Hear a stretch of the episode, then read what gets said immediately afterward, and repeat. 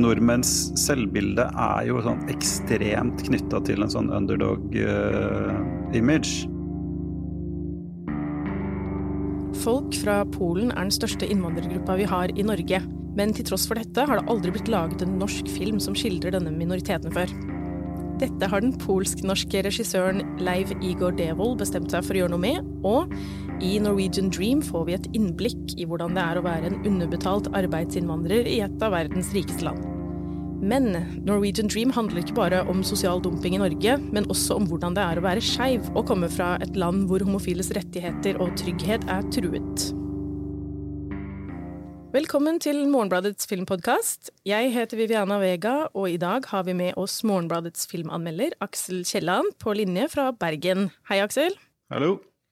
Og her i studio har jeg filmanmelder Ulrik Eriksen. Hei, hei. Hei. Og kulturjournalist Elise Dybvik. Hallo. Hei. Så vi har nå sett Norwegian Dream. Hva handler det om, Ulrik? Den handler om eh, Robert, som er en ung eh, polsk gutt som da kommer til eh, Frøya, er det vel, eh, hvor han skal eh, jobbe på et lakseslakteri. Og han bor i, blir innkvartert i en sånn arbeidshybel sammen med andre polakker og andre som jobber på dette lakseslakteriet. Og så blir han kjent med en norsk gutt som også jobber på lakseslakteriet. Og så blir det en kjærlighetshistorie ut av det. Hva syns dere om filmen? de to som spiller de to hovedpersonene, er jo veldig søte. Det må man jo si. Men du får jo følelsen av at dette er en film som prøver på kanskje litt mer enn den har kapasitet til å levere på. Som Ulrik allerede har skissert opp. Du har en uh, polsk ung mann som kommer til Norge. Der har du én historie, eller én fortelling. Så forelsker han seg i en uh, kollega på lakseslakteriet. Som en mann, da. Som en mann. Ja. Så der har du en til fortelling. Og så har du at han eh, prøver å etablere seg i Norge på sitt vis, økonomisk, finne ut av hvordan ting er. Han har en mor i hjemlandet som òg dukker opp etter hvert, og der er det en historie. Så det er mye. Og det er en arbeidskonflikt, ikke minst eh, på eh, dette lakseslakteriet, hvor de kommer i konflikt med ledelsen. Så det er også en historie. Så det er, det er veldig mange forskjellige historier som blir forsøkt å nøstes opp i, uten at eh, det kanskje helt får til det, da. Glemte å nevne Ivar, som da er eh, den romantiske interessen til Robert. Han er jo også, i likhet med Robert, en dobbel minoritet. Fordi i tillegg til å være skeiv, så er han også adoptert og melaninrik. Men, og han er sønnen til sjefen, så han kommer fra en veldig privilegert bakgrunn i tillegg. Jeg syns jo egentlig at filmen er veldig fin og grei på ett plan. At du blir tatt med på denne unge mannens møte med Norge. Og så kanskje så sitter han bare igjen og ønsker at det, det møtet skulle vært skildra enda litt mer detaljert eller presist, eller jeg vet ikke helt hva som blir riktig. Ja, jeg savner en bedre og mer presis beskrivelse av både Norge og den opplevelsen av å komme til Norge, og hvordan det fremstår for en person som kommer fra Øst-Europa til en liten øy i, Trøndelag, og hvordan det norske eh, oppleves gjennom øynene til en polakk, og hvordan møtet med den kulturen, møtet med eh, lakseindustrien I det hele tatt så mangler et sånn sosiologisk element. Den, den, klarer liksom ikke å ta inn over seg alle de sosiologiske komplikasjonene som ligger i filmen. og som, Det er der jeg tenker en sånn film ville funnet en nerve. da. Istedenfor så prøver den å på en måte lesse på med konflikter utenfra i form av en skeiv kjærlighetshistorie og en arbeidskonflikt som aldri helt man klarer å få helt sånn fot på hva egentlig dreier seg om. Og man blir ikke så engasjert i den arbeidskonflikten, for det står ikke så mye på spill der. Og man får ikke eh, altså, drama som ligger i hans eh, situasjon som innvandrer. Og han er jo også en veldig lukket figur. Og det er greit nok, men det, det gjør også at han blir en litt vanskelig formidler av Norge, da. Og hans opplevelser av det. Aksel? Ja, altså Det er mye viktige temaer her, med stor V. Og jeg syns vel også, ulikhet med Ulykke, at de kanskje virker litt sånn Noe av det virker ganske påklistra. I utgangspunktet så har du en ganske sånn interessant grunnpremiss om at han, han liksom skvises fra begge sider. Han, han, utnyttes av den globaliserte kapitalismen på den ene siden, og så undertrykkes han av liksom det tradisjonelle patriarkalske, liksom homofobe holdningene som man antar han møter hjemme, og du ser han møter litt blant de landsmennene i Norge. Men som Ulrik sier, så pirker filmen veldig lite i det. Den, liksom bare, den, den skildrer disse som, som, bare sånn krefter som dytter han litt rundt omkring, og så, og så, går den ikke veldig inn i det, da. Og det føles som en, en forspilt mulighet til å liksom si noe om, om Norge i dag, og for så vidt også Polen i dag, da. Men den er kanskje bedre som en film om, om, Polen i dag enn en film om Norge i dag, syns jeg. Den, den, introduserer Norge veldig sånn bra helt i starten. At det er veldig sånn Altså dette rike landet er liksom Det er forblåst, og det er uh, trist, og det er grått, og det er liksom uh, monotont arbeid på fabrikken. Men den tar det ikke noe videre enn det. da, Den liksom etablerer det, og så bare er vi der. og da flater filmen seg litt sånn spenningskurvemessig ut, syns jeg.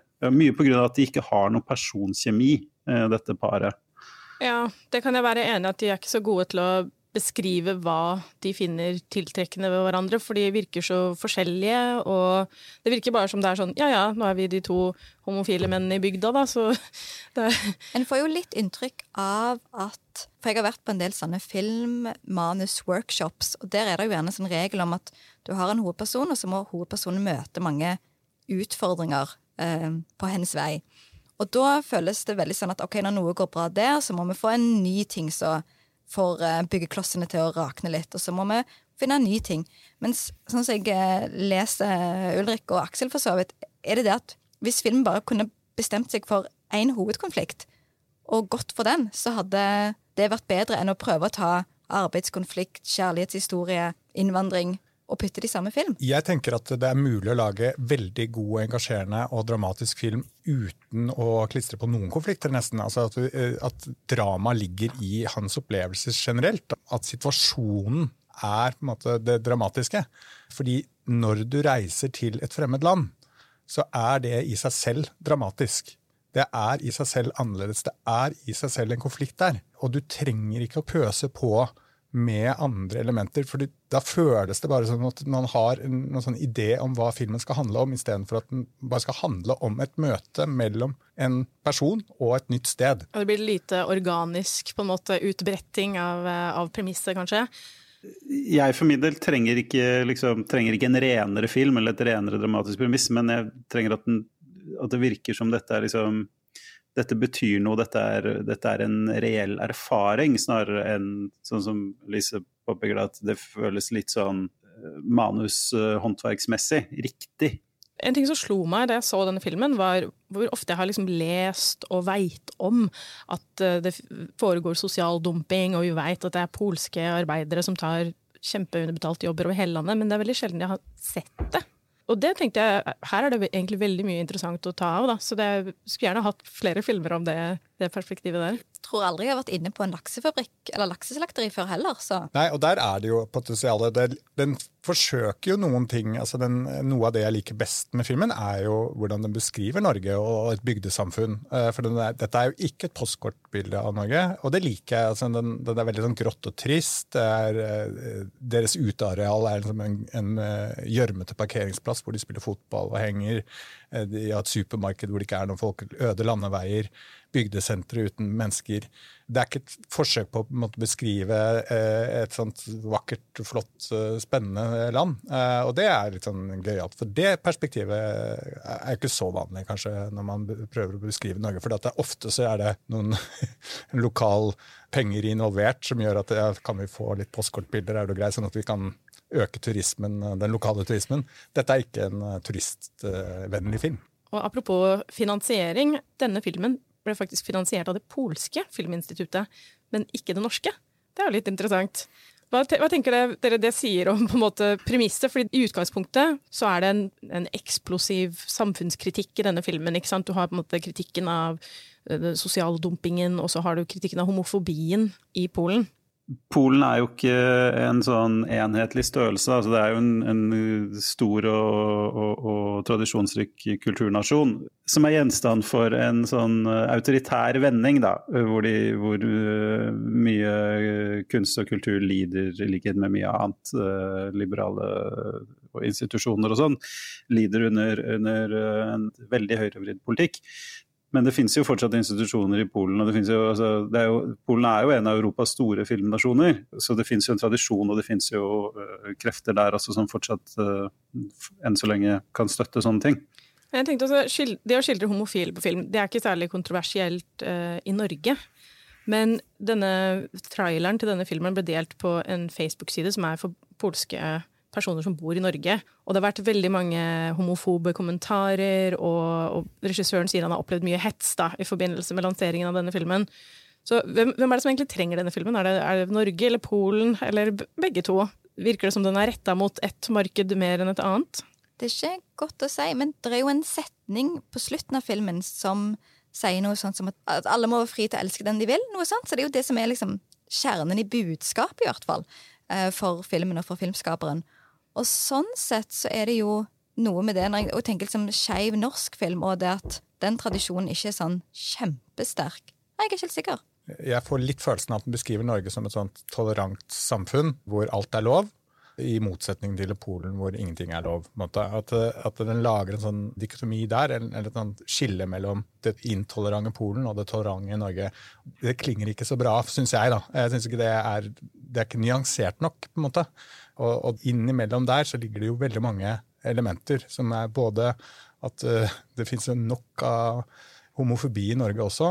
Og på samme måte som det helt garantert finnes mange i Polen som ikke har noe problem med homofile. Så den lager et litt sånn skille der som jeg syns blir en litt sånn moral i filmen som jeg ikke er så glad i. Uh, litt forenkling, rett og slett. Ja, For skillet kan jo like gjerne være mellom bygd og by i begge landene. ikke sant? Og her er det jo på bygda, og det er jo veldig machokultur på den fabrikken i utgangspunktet, så det er jo ikke liksom det letteste stedet å være åpent homofil, uansett om det bare hadde vært nordmenn som jobba der. Tror jeg det, i hvert fall. Det er ikke så mange øyeblikk i filmen der nordmenns reaksjoner eller holdninger til polske arbeidsinnvandrere kommer fram. Men det er én scene når de vel er i Trondheim, og de er ved en vintagebutikk, og så sier de, disse norske som eier denne vintagebutikken, at vi tar de fine klærne, resten sender vi bare nedover i Øst-Europa. Og så innser de oi, han Robert, hovedpersonen, han, han, han er nok sannsynligvis østeuropeisk, tenker de. Og så prøver de å backe litt den kommentaren tilbake. Ikke at vi har noe imot østeuropeere, altså. Så det er vel på en måte kanskje det eneste sånn, litt sånn direkte, litt sånn subtile norske sånn østeuropeiske forakten på en måte kommer bitte litt til syne, kanskje samtidig som en er veldig sånn vennlig og innstilt og vil glatte over at det skjedde. Men så jeg lurer på, den er jo ikke så egentlig interessert i det polske møtet med Norge ellers. Men jeg tenker sånn, trenger han å være det? Fordi at han har så svære økonomiske problemer at gjør det noe da å møte litt teite holdninger fra nordmenn? Det virker jo som det bare legger seg oppå haugen av problemer med å komme hit. Han blir jo utnytta økonomisk både i jobben hans, men også der hvor han bor. De prøver å loppe alle disse polske arbeiderne for alt det er verdt. De må betale 8000 kroner eller noe sånt for å bo på et delt rom, eller 4000 var det kanskje. Så de blir jo liksom utnytta overalt, da. Ja, så jeg bare lurer på liksom, når, når, alt handler om å få ting til å gå opp økonomisk, så detaljene eller nyansene i ditt møte med akkurat det landet du befinner deg i, det står kanskje ikke, er ikke bra, Dan? Nei, jeg, jeg syns uh, det er et veldig rikt tema, dette, med, med polske arbeidere i Norge. og altså Gitt at det er så vanlig, i hvert fall blant en del mennesker i landet vårt, å bruke billig polsk arbeidskraft, så er det jo sånn Det er noe som det er veldig interessant å pirke i, da. Men i denne filmen så Altså de fleste scenene som skildrer makt, maktutførelsen mellom nordmenn og polakker, det er, skjer i offisielle relasjoner. Det hovedsakelig da arbeidsgiver og arbeidstaker. Og det, da, eh, det man da går glipp av, er måten den økonomiske maktforholdene preger eh, liksom de subtile eh, sosiale interaksjonene, som kanskje er det mest interessante. Man hadde en film for en del år siden som het 'Svenskejævel', som skildrer da svenske Det var liksom på høyden av den der svenskebølgen av, av eh, svenske ansatt, særlig i Oslo. Ja, etter finanskrisa. Eh, ja, og den gikk jo veldig inn i det, i det eh, sosiale, da. Det mellommenneskelige. Men jeg tror nok også det var det, det som gjorde den filmen Eh, som en, til en skarpere skildring av, av, Norge, var det at filmskaperen antok at publikum kunne se seg selv i svenskene, mens her har jeg ikke følelsen av at filmskaperen har noen tro på at nordmenn kan se seg selv i de polske rollefigurene. Nei, du tenker at det, det er mye mer outsider-blikk på Norge i Norwegian Ja, ja, eller jeg tror at regissøren tenker på polakkene som de andre, da, i en helt annen grad enn uh, hva som er tilfellet i, i den svenske jævel. Men jeg syns hun fikk fram uh, forskjellene mellom norsk, nordmenn og svensker uh, i Svenske også. Den kom for øvrig i 2014, uh, og en svensk-norsk produksjon. Og den handler om en ung svensk kvinne som kommer til Oslo for å jobbe i service, diverse serviceyrker. Og det var det jo veldig mye av en stund. Jeg vet ikke om du husker denne taggen 'Partysvensker go home'? Det var jo på den tida. Og i denne filmen viser det også hvor trangt disse svenskene bor. og hun innleder da et forhold med en gift norsk mann, som er litt type småborgerlig og sånt. Og der, den kritiserer liksom litt den nyrike, arrogante nordmannen som tror at de er bedre bare fordi de har mer penger. Så det syns jeg var en interessant kritikk. Det er en scene eh, hvor hun, Dino og han norske er i et selskap med masse andre nordmenn, velstående nordmenn, og hun sier i Sverige så ser vi på Norge som en litt tilbakestående fetter som har vunnet til Lotto. Så det var en sånn fin, fin stikk. Det var liksom en av de første gangene jeg tenkte sånn Oi, her får vi virkelig liksom et sånt kritisk blikk på Norge utenfra, da. Som jeg ikke ser så ofte på film. Nei, og så kan du også si at det er en forskjell at det er en større avstand mellom nordmenn og mennesker fra Polen enn det er mellom nordmenn og svensker. Liksom både kulturelt og språklig og alt annet. Men jeg savner med denne filmen at den går mer inn i de helt sånn daglige, liksom, eh, sosiale og mellommenneskelige interaksjonene, der syns jeg det mangler litt. Jeg skal bare si kjapt på dette med sånn, hvem du identifiserer deg med, og identifikasjon, så er det noe Det er vel en liten replikkveksling i denne Norwegian Dream der hovedpersonen forteller at han har en drøm om å starte en bensinstasjon. Og så svarer da Ivar mm. at uh, what? Uh, uh, her drømmer vi, I Norge drømmer vi å bli CEOs. og liksom, en bensinstasjon er liksom Hvem kommer på å drømme om det, liksom? Det syns jeg for så vidt var en ganske fin ja, ja, det var, scene. Det var, en fin den oppsummerte det veldig bra, altså. Absolutt. Den sier noe igjen, den der avstanden mellom virkelighet og hva drømmer du kan ha basert på hvilken virkelighet du kommer fra. da. Ja, og der, er, og der, der vi kommer inn på akkurat det som måte, er problemet med filmen, er nettopp det at den har altfor lite av det. Den tror ikke på at det, være, at det, er nok for en film. Nettopp sånne scener. Å få frem ulikhetene og opplevelsene som i seg selv er interessant. Da. Og det er det som ville kunne gi gjenklang i et publikum òg. Eh, I mye større grad, tror jeg, enn en, en film som på en måte klistrer på en historie på den måten. Det er jo ikke så mange, Nå har vi jo nevnt Svenske Avel og Norwegian Dream som eksempler på filmer som ser Norge liksom fra outsider-perspektivet. Men kommer dere på noen andre filmer, eller Lillehammer, eh, denne første norsk Netflix-serien, den, den tar det jo opp ut til det komiske med denne amerikanske mafiasjefen som bosetter seg i Lillehammer. Og Der tror jeg det er en skildring av 17. mai som er ganske morsom. Og det slår en 'Hvorfor ser jeg aldri 17. mai?' Fra et utenfra-perspektiv, for der er det jo mye absurd å ta tak i. Vi tar det for gitt, at ja. det er helt normal ting å gjøre. Men er, er, ikke det litt mer sånn romantiserende syn på nordmenn? Jo, jo. Ja, det er mye av grunnen til at den ble en veldig stor suksess. Den er jo godt skrevet og, og morsom eh, på veldig mange måter, men den, men den treffer jo akkurat det vi i nordmenn liker aller best. på en måte Et utenforståendes blikk på oss, og, eh, og, hvor vi er i fokus hele tiden. Eh, og våre rariteter hele tiden er i fokus. Det, det liker vi. Vi liker jo at utlendinger snakker om oss. Fordi det opplever vi ikke, eller har vi i hvert fall tradisjonelt ikke opplevd så mye.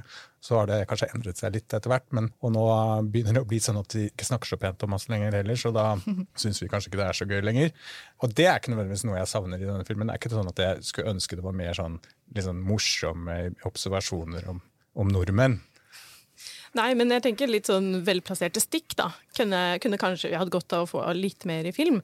Og jeg syns jeg ser en slags tendens. For eksempel i den eh, ganske ferske filmen «Ello 'El Oceatno la elva leve'.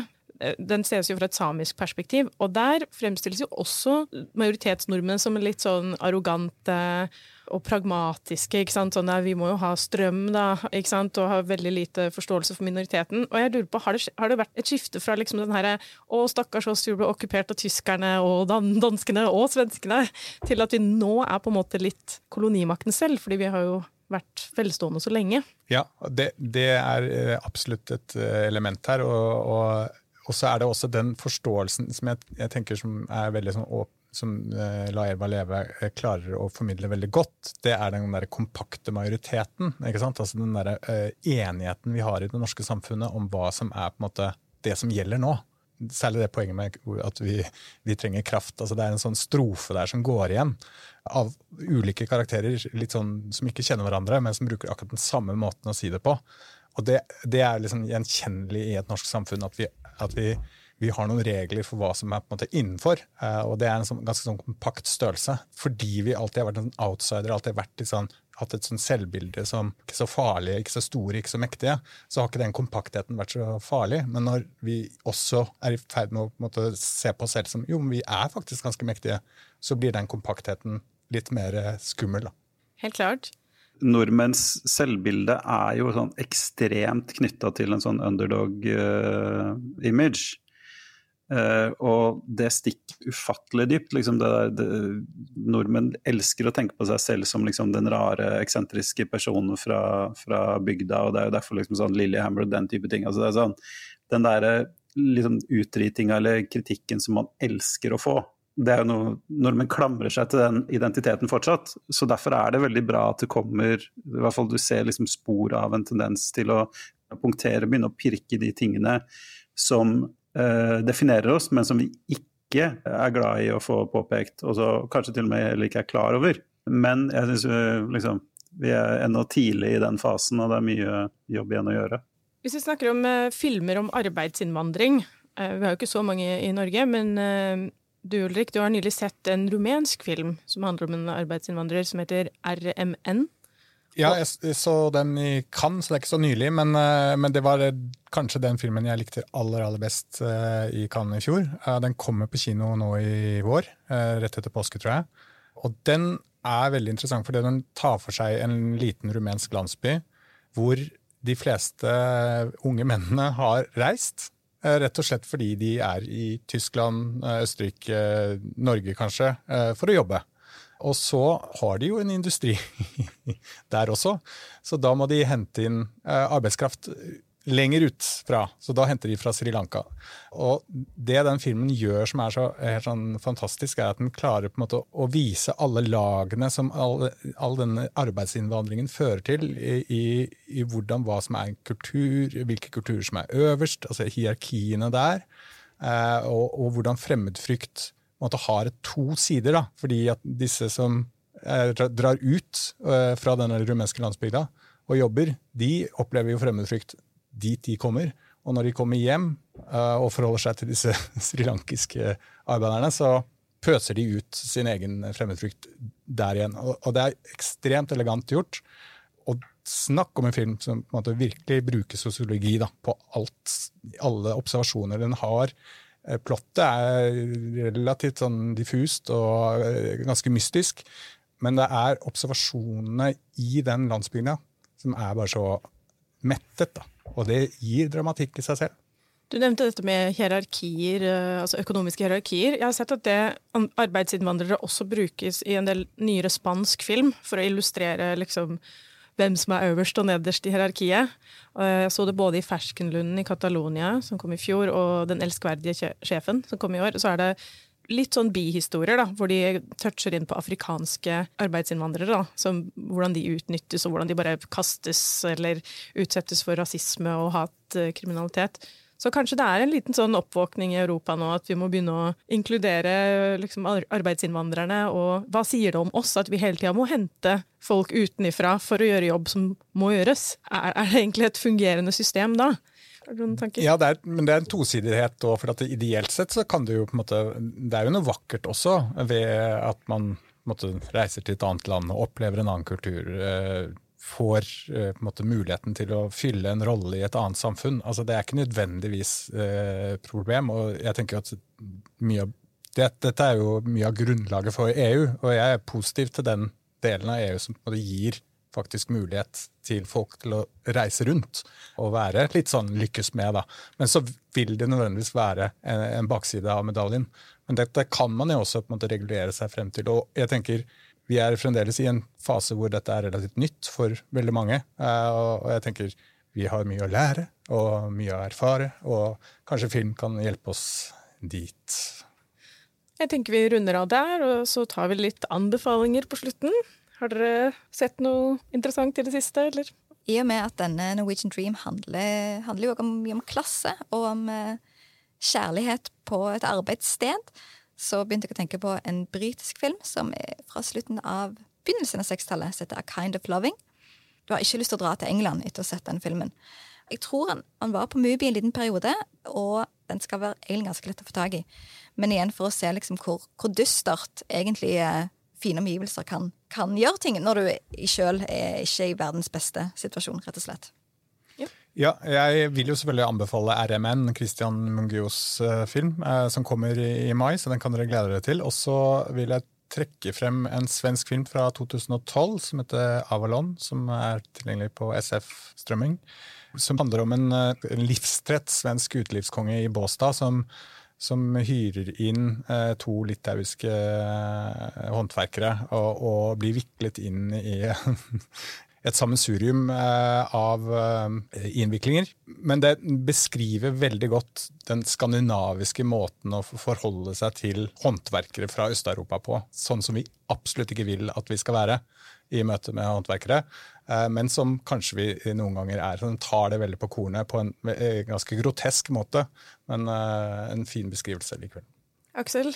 Jeg så For noen uker siden så, så jeg en TV-serie som jeg likte veldig godt, som jeg ikke får skrevet om. så den har ingenting med mm, arbeidsinnvandring å gjøre, men derimot desto mer å gjøre med metalldetektorer og britisk historie. Eh, det er en serie som heter Detectorists, eh, en komiserie om eh, folk som driver farter rundt i England med metalldetektorer. Skrevet og regissert og skapt av Mackenzie Crook, han mest kjent som spiller Gareth i britiske The Office, og som også spiller hovedrollen sammen med Toby Jones. Veldig, sånn, det er lenge siden jeg har vært så entusiastisk for noe jeg først og fremst vil, anbefale, vil omtale som fint. Men den kan da sees på på både BBC iPlayer og TV2 Play. Kult. Eh, jeg vil gjerne eh, anbefale noe som har med innvandrerperspektiv å gjøre. Eh, jeg vil anbefale Kapernaum fra 2018. Den er regissert av Nadine Labaki. Den handler om en, en syrisk gutt. Ja, De bor i Libanon hvor, og lever i helt sånn skrekkelig fattigdom. Og så møter denne unge gutten også da en, en voksen kvinne som er arbeidsinnvandrer fra Øst-Afrika et sted. Nå husker jeg ikke om det var Etiopia. Nei, uansett. De danner en veldig spesiell relasjon, og den er utrolig fæl og trist, men den er også veldig sjarmerende, spesielt pga. han unge gutten. Og apropos Norwegian Dream, så endte han gutten som har hovedrollen, han bor faktisk i Norge nå og har fått norsk statsborgerskap. Så han har innvandret hit til slutt. Endte opp her. Hvis du vil lese Ulrik Eriksen sin anmeldelse av Norwegian Dream, så kan du gå inn på morgenbladet.no og tegne et abonnement. Og her finner du også masse annet godt stoff om film og TV. Vi i Morgenbladets filmpodkast har en liten pause nå til over påsken. Vi er tilbake den 17. april, så får dere ha en god påske i mellomtida.